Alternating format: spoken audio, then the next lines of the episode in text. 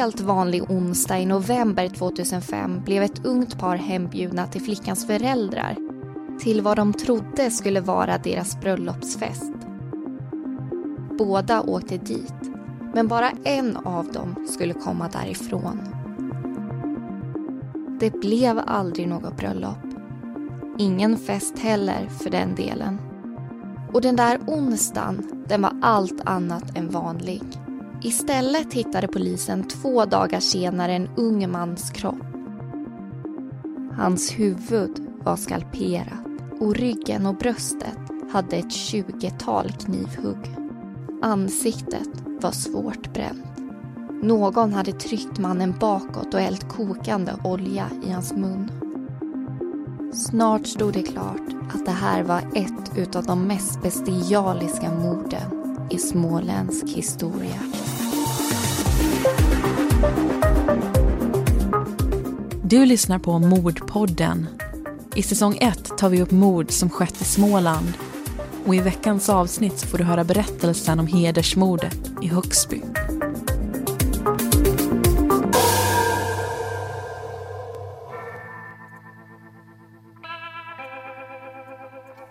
Sommaren 2004 är kall och ovanligt ruskig.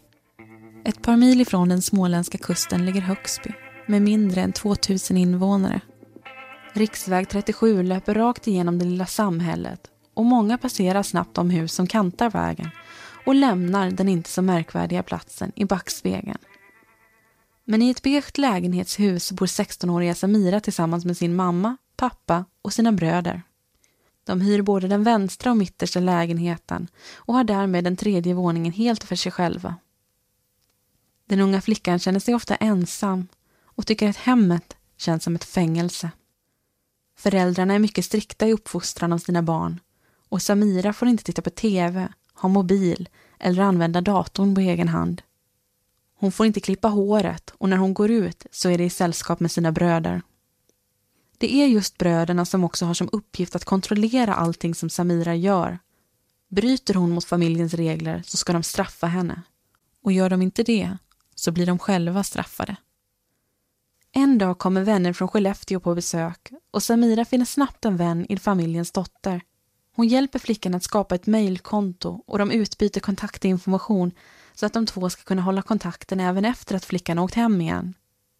När Samira skriver till sin vän så är det på svenska. Men då flickan från Skellefteå inte förstår vad som sägs så måste hon ta hjälp av en klasskompis för att översätta. Den klasskompisen heter Abbas. Abbas har mörkt och lite halvlångt hår han är ståtlig och 20 år gammal och precis som Samira kom Abbas till Sverige från Afghanistan för inte så länge sedan.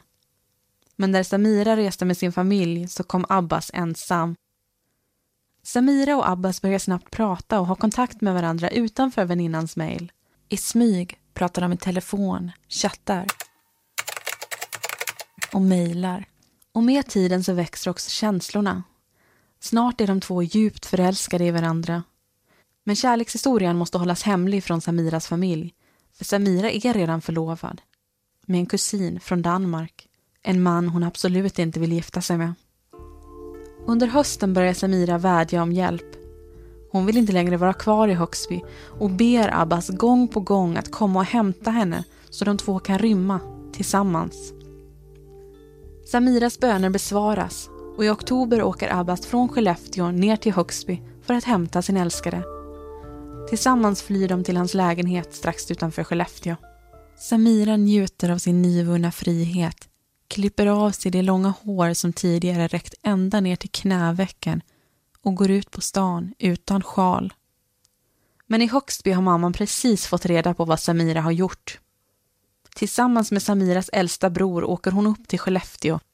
Det är dags för Samira att återvända hem. Men flickan gömmer sig och mamman och brodern får åka hem till Högsby utan henne. Samtidigt börjar Samiras rädsla tätna.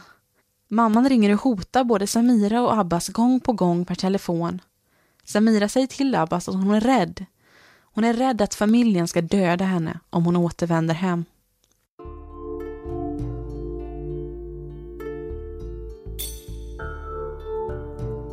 Men i november så vänder allt.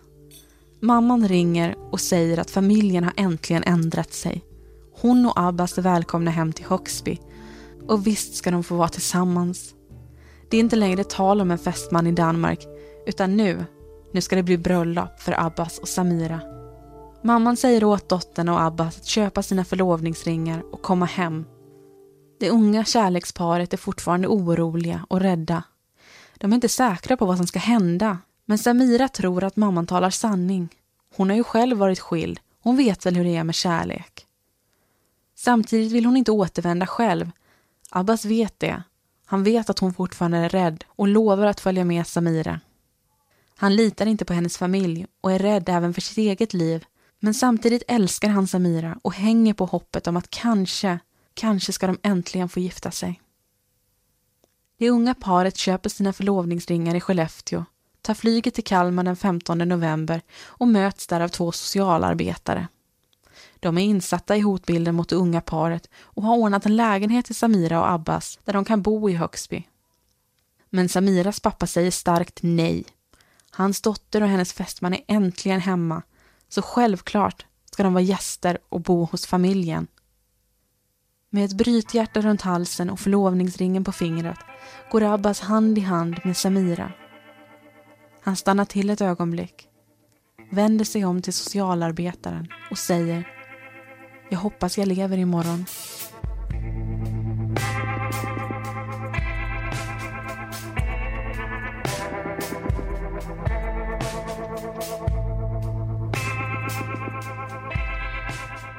Där hörde du första delen av hedersmordet i Högsby. Jag heter Amanda. Och jag heter Linnea. Och vi kommer leda dig genom det här mordfallet. Och vi kommer ju snart vara fortsättningen på den här berättelsen såklart. Mm. Men först så tänkte vi stanna upp lite och diskutera, för det är så vi kommer göra i den här podden. Mm. Man kommer få höra berättelsen lite uppdelat och blandat med diskussion i studion. Och där kommer vi ta upp lite saker som ni inte har fått höra till exempel. Precis. Ta upp lite grejer som vi har läst i domarna men även dra paralleller till andra fall som skulle vara intressanta. Allting som är intressant och relevant kommer vi helt enkelt att ta upp i de här diskussionerna. Ja, för vi vill ju verkligen götta ner oss i de här fallen. Oh ja. För det här är ju verkliga fall som vi tar upp mm. i den här podden. Absolut. Och i det här fallet handlar det ju då om Abbas och Samira. Och jag mm. känner att den här berättelsen påminner om en annan kärlekshistoria. Kan du komma på vilken där jag menar? Romeo och Julia. Exakt. Ja. Ja, men för vi har ju det här unga kärleksparet. Mm. Men vi får ju komma ihåg att deras kärlek är ju faktiskt förbjuden, mm. precis som Romeo och Julia. Och deras föräldrar, eller Samiras föräldrar i det här fallet, är ju emot det här, så det här sker ju i hemlighet. Mm. Romeo och Julia höll inte på med mejl, men det gör ju Abbas och Samira. Mm. Det är en modern variant av den historien ja, kan man verkligen. säga. verkligen. Och tyvärr då, för att inte avslöja för mycket, men även den här historien kommer ju sluta med död. Ja, jag tycker att vi måste ta upp det här med att Abbas också faktiskt är en ensamkommande flykting som kommer till Sverige helt själv. Ja, för det är ju många som gör det nu.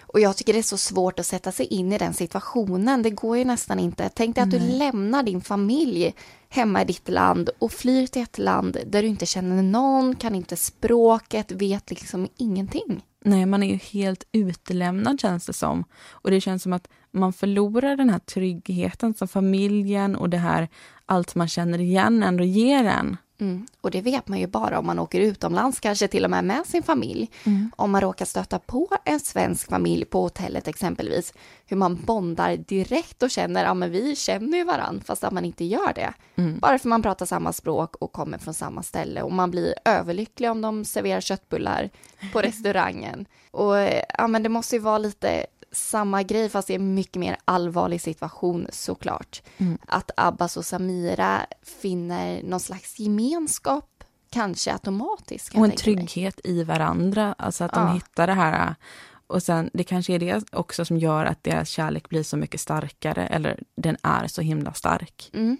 Samtidigt tycker jag att vi måste ta upp det här med att socialtjänsten är involverad i fallet med Samira och Abbas och de vet att det finns en hotbild mot, de unga, mot det unga paret. Mm. Men samtidigt så vet ju inte vi riktigt om de är medvetna om att när de hjälper Samira och Abbas till Högsby så hjälper de också en 16-årig flicka att gifta sig vilket inte Ja. är lagligt i Sverige. Nej, det är det ju inte. Och precis i slutet av berättelsen så hörde vi också hur Abbas faktiskt vädjar om hjälp. Han vänder sig till socialarbetaren och säger jag hoppas jag lever imorgon. Det är ju ett rop på hjälp, eller Ja. hur? Jag förstår inte hur man kan gå därifrån efter att någon har sagt en sån sak. Nej. Och sen får vi inte glömma, för socialen hade ju ordnat en lägenhet åt dem. Mm, just det. Men det är ju inte de själva som säger att de inte vill gå dit, utan det är ju pappan. Ja, han tar Som- kommandot där verkligen. Ja, och det är ju pappan som har hotat det här paret tillsammans med mamman. Mm, Och ändå lyssnar socialarbetaren på hans ord. mm. Om vi nu går tillbaka till historien så vet vi att Samira Abbas är jättekära. Och nu är de alltså framme i Högsby och de närmar sig lägenheten. Och nu måste vi veta vad är det som händer när de kommer fram.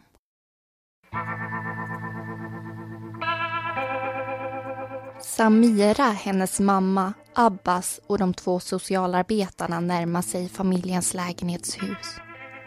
Abbas får en känsla av att någonting är fel och ber socialarbetarna att följa med upp till lägenheten. De behöver inte ringa på. Dörren står redan öppen. Trots att det är obehagligt varmt i lägenheten möts de av Samiras pappa som märkligt nog har jacka på sig. Han verkar inte vara på bra humör. Han höjer rösten och kastar in Abbas väska i lägenheten som Samira precis har burit upp. Socialarbetarna känner av Abbas oro och uppmanar pappan och brodern att lova att ingenting dumt händer när de åker därifrån. De lovar. När socialarbetarna lämnar lägenheten stannar de till en stund i trappuppgången och lyssnar efter ljud från lägenheten. Är det verkligen så lugnt som brodern och pappan försäkrade dem om att det skulle vara? De får en känsla av att det är fler människor i lägenheten än vad de hade fått se. Trots den känslan beger de sig mot bilen och åker iväg. Helt ovetandes om vad som skulle ske bakom den där stängda dörren de lämnade. Två dagar senare hittas Abbas av polisen. Han är död. Kroppen är skalperad och ansiktet svårt bränt. Ryggen och bröstet har ett tjugotal knivhugg. Abbas har blivit torterad till döds.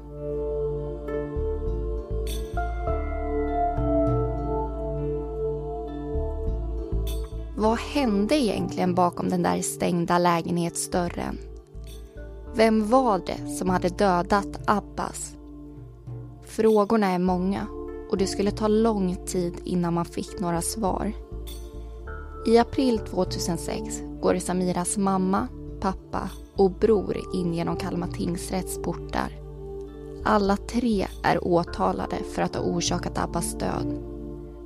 Men bara en av dem kommer att dömas för mord.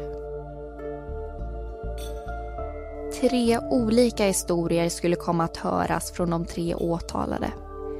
Pappan berättar att han och Abba satte sig ner och småpratade om jobb när Samira och hennes blivande man kom på besök i Högsby den där onsdagen i november.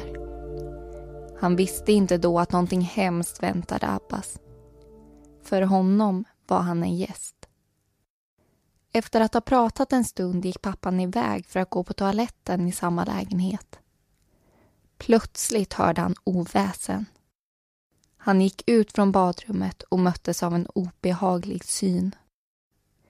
Han såg hur Samiras bror, hans egen son, angrep Abbas med en kniv. Efter någon minut kom även mamman in genom dörren. Nej, nej, gör inte så! skrek hon och ställde sig mellan brodern och Abbas och fick därför själv små sår på handryggen.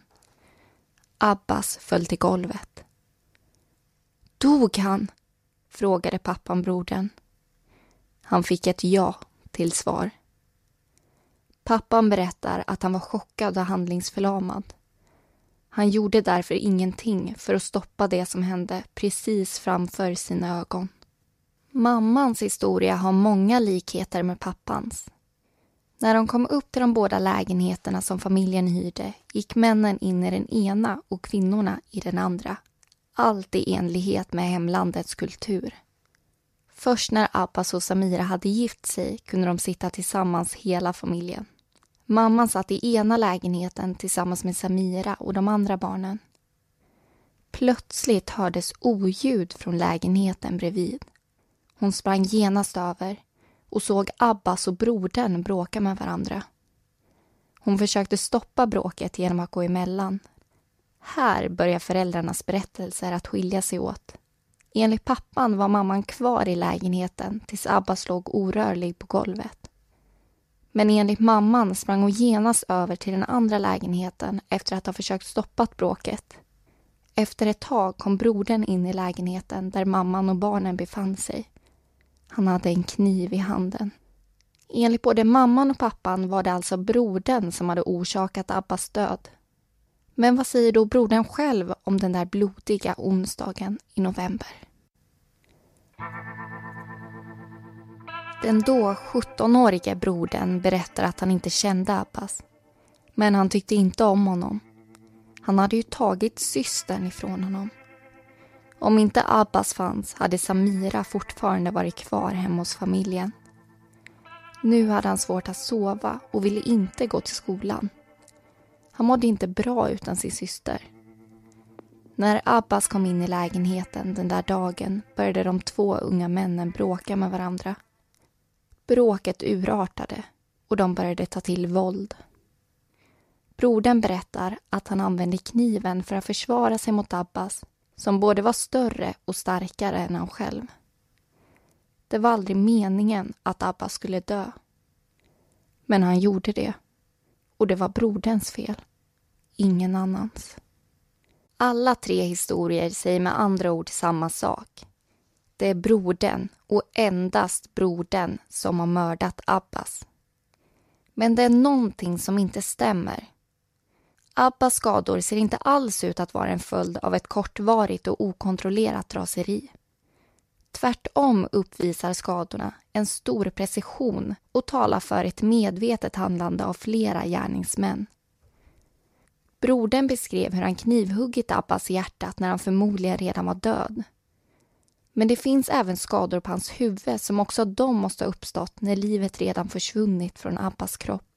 Det innebär att flera personer med stor sannolikhet borde ha huggit och slagit mot Abbas när han redan var död. Vilket i sin tur pekar på att det inte bara var brodern som utförde våldet som dödade Abbas. Inte heller Abbas brännskador stämmer överens med broderns historia. På väggen, vid det hörnet av soffan där Abbas suttit, fanns stora stänk av olja. Det ser precis ut som att någon har kastat oljan mot honom. Abbas verkar ha försökt skydda sig mot den heta vätskan vilket förklarar brännskadorna man hittade på hans händer. Brodern berättade mycket riktigt att han kastade olja mot Abbas.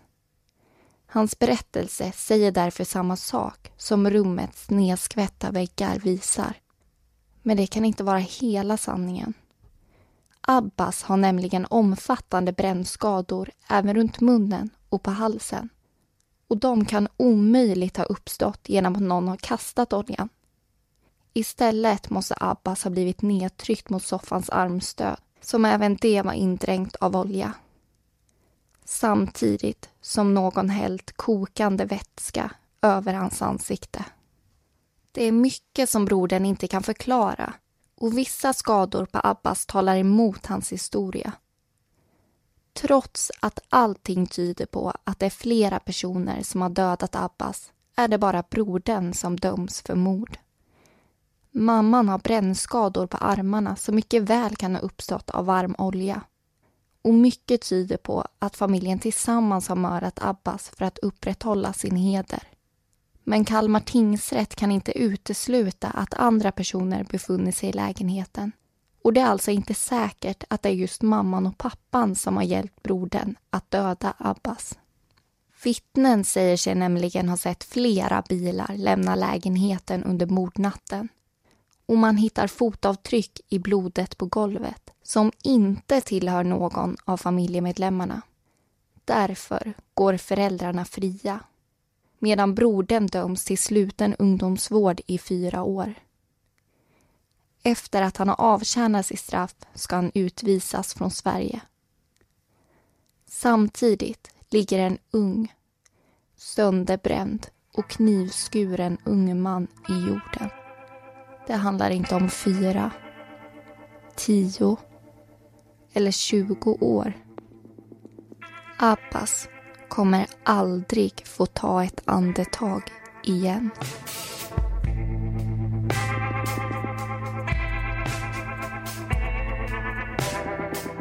Du lyssnar på Mordpodden och i säsong 1 så tar vi upp mord som skett i Småland.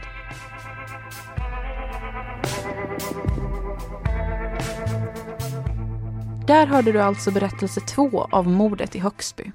Och nu vet vi alltså att det är brodern och endast brodern som döms. Och det är ju trots att man vet att det är fler som har varit involverade i det här fallet, vilket är väldigt intressant. Och det blir ju lite av en konsekvens av det här rättssamhället som vi har i Sverige, att vi har hellre fria än fälla.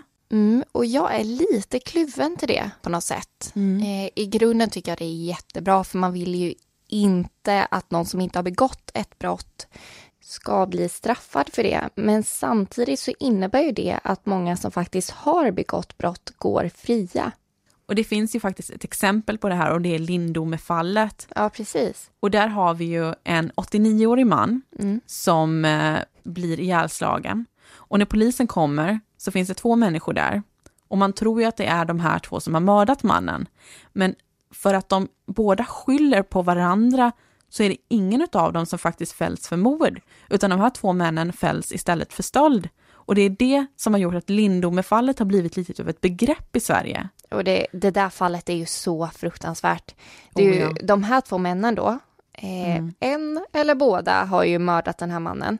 Och de, deras tanke var att gå hem till en person för att få tag i ett vapen. Mm. Men de tar fel adress. Ja. Nu skrattar jag, det ska jag absolut inte göra för det här är jättehemskt. De tar fel adress, kommer hem till den här stackars 89-årige mannen. Mm. Snacka om att vara på fel plats vid fel tillfälle. Och de slår ju ihjäl han med hans egen stekpanna. Ja, det är ett hemskt fall. Alltså en 89-årig man. Ja. Men det är jag, fruktansvärt. Jag tycker det är så hemskt att det här ändå har blivit ett begrepp som har blivit känt och det är mm. någonting som människor i Sverige använder sig av. Folk skyller på varandra för att undkomma de här grova brotts, brottsrubriceringarna som mord. De undkommer det och kommer undan med lägre straff. Mm. För båda gick ju fria, trots att man vet att det är någon av, det här, någon av de här som har gjort detta. Mm. Jag, ty jag, tycker det är lite hemskt. Alltså, självklart förstår jag principen hellre fria än fälla och står man någonsin själv i den positionen så tror jag det är det man vill ha framför sig. Men samtidigt, vi vet att det är folk som går fria som folk vet är, är skyldiga. Ja, det, det, här är ju jättehemskt. Och om vi då ska applicera det här på fallet med Abbas, så mm. det är ju lite samma sak. De skyller ju inte på varandra, men Nej. man vet ju att det är flera personer som har mördat Abbas. Mm. Men ändå så är det bara en som döms och det borde ju rimligtvis innebära att någon eller flera gärningsmän faktiskt går fria. Och det är ju det som vi kan se också, till exempel med den här bevisningen att det har, eller på mordnatten så är det flera bilar som har lämnat mordplatsen. Mm. Man vet ju att det är fler som har varit där. Det är mycket som tyder på det. Ja, och samtidigt så har vi ju de här fotavtrycken i blodet som man vet inte tillhör någon i familjen. Och om de då inte tillhör någon i familjen... Vems vem... är det då? Ja, var, var kommer vad de tror, ifrån? Vad tror du? Ja, jag tror ju att det har varit fler på plats, men ja. om det är de här danska släktingarna som man ändå vet har befunnit sig i Sverige och befunnit sig nära under tiden, mm. eller om det är några andra, det vet jag inte. Nej, och sen socialarbetarna hörde ju faktiskt i trapphuset, mm. eller trodde sig höra att det var flera personer inne i lägenheten än vad de hade fått se. Mm. Det intressanta för mig, det är ju den här danska fästmannen. Ja. De säger med säkerhet att det har varit danska släktingar i närheten. Men är inte han vilka de här är. Nej, exakt. Är det jättespännande. Ja. Och det är nog något vi aldrig kanske kommer få reda på. Nej, nu, är det så, nu har det gått så lång tid så jag tror inte det. Nej, och ändå så är det ju, det är ju brodern, sen är det ju mamman och pappan. Alla de här tre mm. är ju faktiskt åtalade. Mm. Men alla säger ju att det är brodern som har gjort det, så därför mm. går mamman och pappan fria. Men det finns ju bevis också som tyder på att det är just mamman och pappan som har hjälpt till. Ja, Just det. Om vi tar till exempel brännskadorna mm, på ja, mammans armar. Eh, för det är ju så att man såg ju det att någon hade ju kastat olja på Abbas. Mm. Men någon har ju även tryckt ner honom och hällt olja Ja. över hans mun. Och hon har ju brännskada på handen. Ja, och visst, någon som har hällt olja och tryckt ner hans ansikte, visst borde den få någon Mm. slags brännskada? Men det har vi också läst i domen att de brännskadorna kan bero på att, nå- att hon har varit där, att hon bokstavligt talat hållit hans käkar öppna medan någon av dem har hällt ner oljan. Alltså det här är så hemskt. Jag, åh, Ja. jag får rysningar. Det går inte att föreställa sig. Man vet ju bara hur ont det gör att få en liten sån här oljeskvätt på sig om man steker någonting. Och Mm. Oh, ja. tänka att någon häller olja. Nej, usch, jag vill inte prata om det. Nej, det är, det är riktigt, riktigt otäckt det här mordet faktiskt. Och sen säger ju mamman, hon skyller ju på att hon har bränt sig när hon lagar mat. Mm. Men hur troligt är det? Head over to Hulu this March, where our new shows and movies will keep you streaming all month long. Catch the acclaimed movie All of Us Strangers, starring Paul Mescal and Andrew Scott. Stream the new Hulu original limited series We Were the Lucky Ones with Joey King and Logan Lerman. And don't forget about Grey's Anatomy. Every Grey's episode ever is now streaming on Hulu. So, what are you waiting for? Go stream something new on Hulu. I den här situationen. Ja, det känns ju lite osannolikt. Eller det är ju, ja, just när det här har hänt så känns det som ett väldigt konstigt sammanträffande får man ju säga. Hon har haft tur i så fall, rent ut sagt. Ja, och det är ju någon rimligtvis som måste ha brännskador på sig. För den som har tryckt ner Abbas måste ju ha det och då eftersom hon, hon har det så känns det ju rimligt. Mm. Men det är också det att alla de här grejerna, det de har gemensamt, de här fotavtrycken, det här med bilen och mammans brännskador, det visar ju på i det här fallet att det är någon som har hjälpt brodern att mörda Abbas, Ja. men det är också de som gör att man inte kan fälla mamman och pappan. Nej, exakt. Man vet ju liksom inte vem som har hjälpt han. Nej. Och det är därför de går fria och det tycker jag är otäckt. Och man måste ju kunna utesluta alla andra gärningsmän för att kunna fälla någon. Mm. Så är det ju i svenskt rättssystem. Mm. Vad tycker du om det? Jag tycker att det finns mycket hål i den teorin. Jag förstår det. Ehm, men jag, jag, jag nästan känner på mig att det är mamman och pappan som har hjälpt han i det här fallet. Det känns så, alltså det känns utan tvekan att det är de som har varit där och att de då ska få leva i frihet, att de ska få gå på stan och ha det trevligt medan Abbas ligger död i marken. Det, det sitter inte rätt med mig, alltså det, det får en att må riktigt så här illa. Ja, man vill ju inte att någon som har begått en sån här grej ska få gå fri alltså. Nej, det vill man inte. Nej, det här är ett riktigt otäckt eh, samtalsämne helt enkelt. Verkligen. Men om vi återgår till själva berättelsen så händer ju någonting väldigt intressant och väldigt ovanligt också. Flera år efter att domen fallit. Och vad det är, det ska du få höra nu.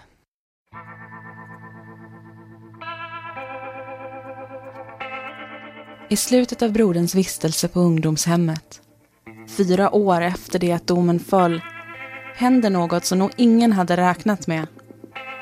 I ett samtal med sin psykolog berättar han att det inte alls var han som hade mördat Abbas. Hela berättelsen om händelsen i Högsby var en lögn. Nu vill han berätta sanningen.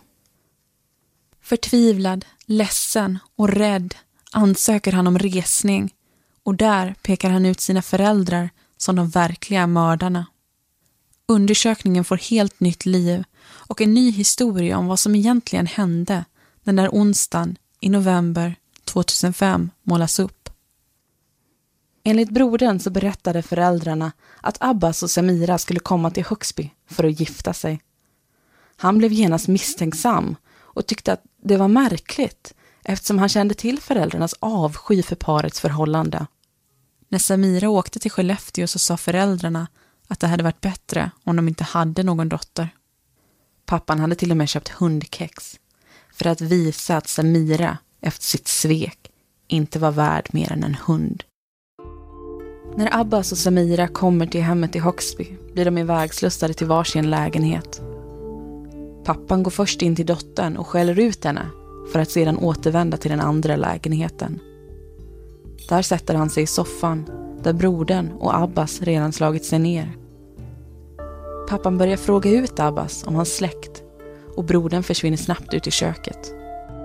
Mamman står vid köksbänken och krossar två tabletter på en bit papper. Han vet att hon brukar använda sömntabletter men han har aldrig sett henne krossa dem förut. Hon lägger därefter pulvret i ett saftglas och går över till lägenheten där Samira befinner sig. När brodern går tillbaka till vardagsrummet har diskussionen mellan pappan och Abbas eskalerat. Pappan frågar anklagande varför Abbas har inlett en relation med hans dotter. Abbas ser rädd ut och försöker få honom att förstå att han måste förlåta någon gång. Situationen blir obehaglig och hotfull. Det var ditt största misstag att komma med Samira till Högsby, skriker pappan till Abbas. Och snart blir det uppenbart att den meningen är den enda sanna meningen de hört på länge. Det blir inget firande, god mat eller presenter. Istället kommer mamman in i lägenheten. Hon håller en gryta i båda händerna. Plötsligt tar hon sats och kastar innehållet mot Abbas ansikte. Han tar upp händerna för att skydda sig och det som träffar hans kropp är kokhet olja. Abbas försöker snabbt fly mot dörren men mamman får tag i hans kavaj och drar honom tillbaka. Pappan tar upp ett baseballträ och börjar slå Abbas. Det första slaget träffar honom på ryggen. Det andra tar i dörrkarmen. Slagträet går av.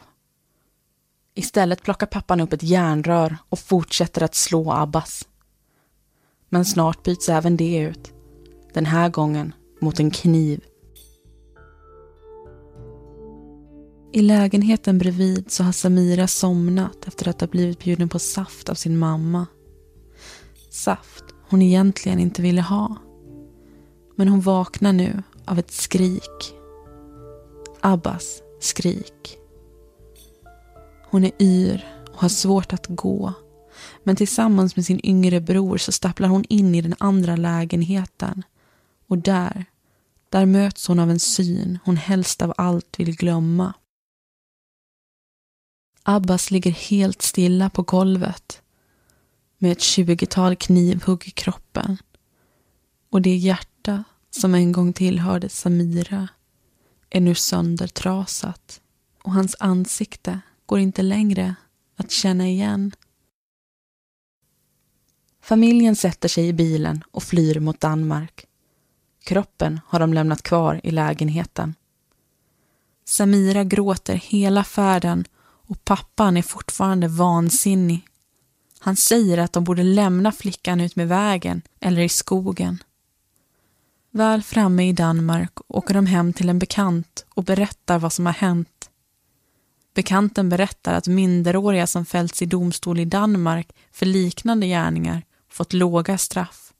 Föräldrarna säger därför åt brodern att ta på sig skulden och hotar med att de annars inte kommer kunna ta hand om hans syskon när de återvänder till Sverige går han självmant till polisen och överlämnar sig.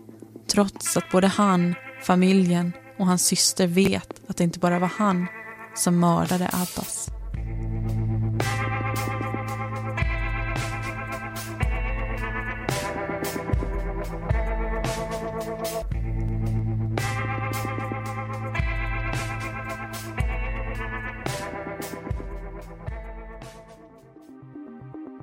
I hovrätten dömdes föräldrarna till tio års fängelse och utvisning för mordet på Abbas. Brodern däremot släpptes eftersom rätten ansåg att han redan hade avtjänat sitt straff för medhjälp till mord. Och det var allt vi hade att berätta om hedersmordet i Högsby. Samira heter egentligen någonting annat och all information är hämtad från domar, förundersökningsprotokoll, böcker och artiklar. Glöm inte att följa Mordpodden på Facebook och kika gärna in på vår hemsida mordpodden.com. Nästa vecka åker vi söderut i Småland och då ska du få höra allt om modellmordet utanför Växjö.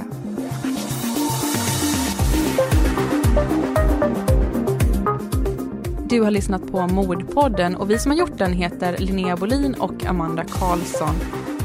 Bakgrundsmusiken den är gjord av Kevin MacLeod och heter Lasting Hope och Lightless Dawn.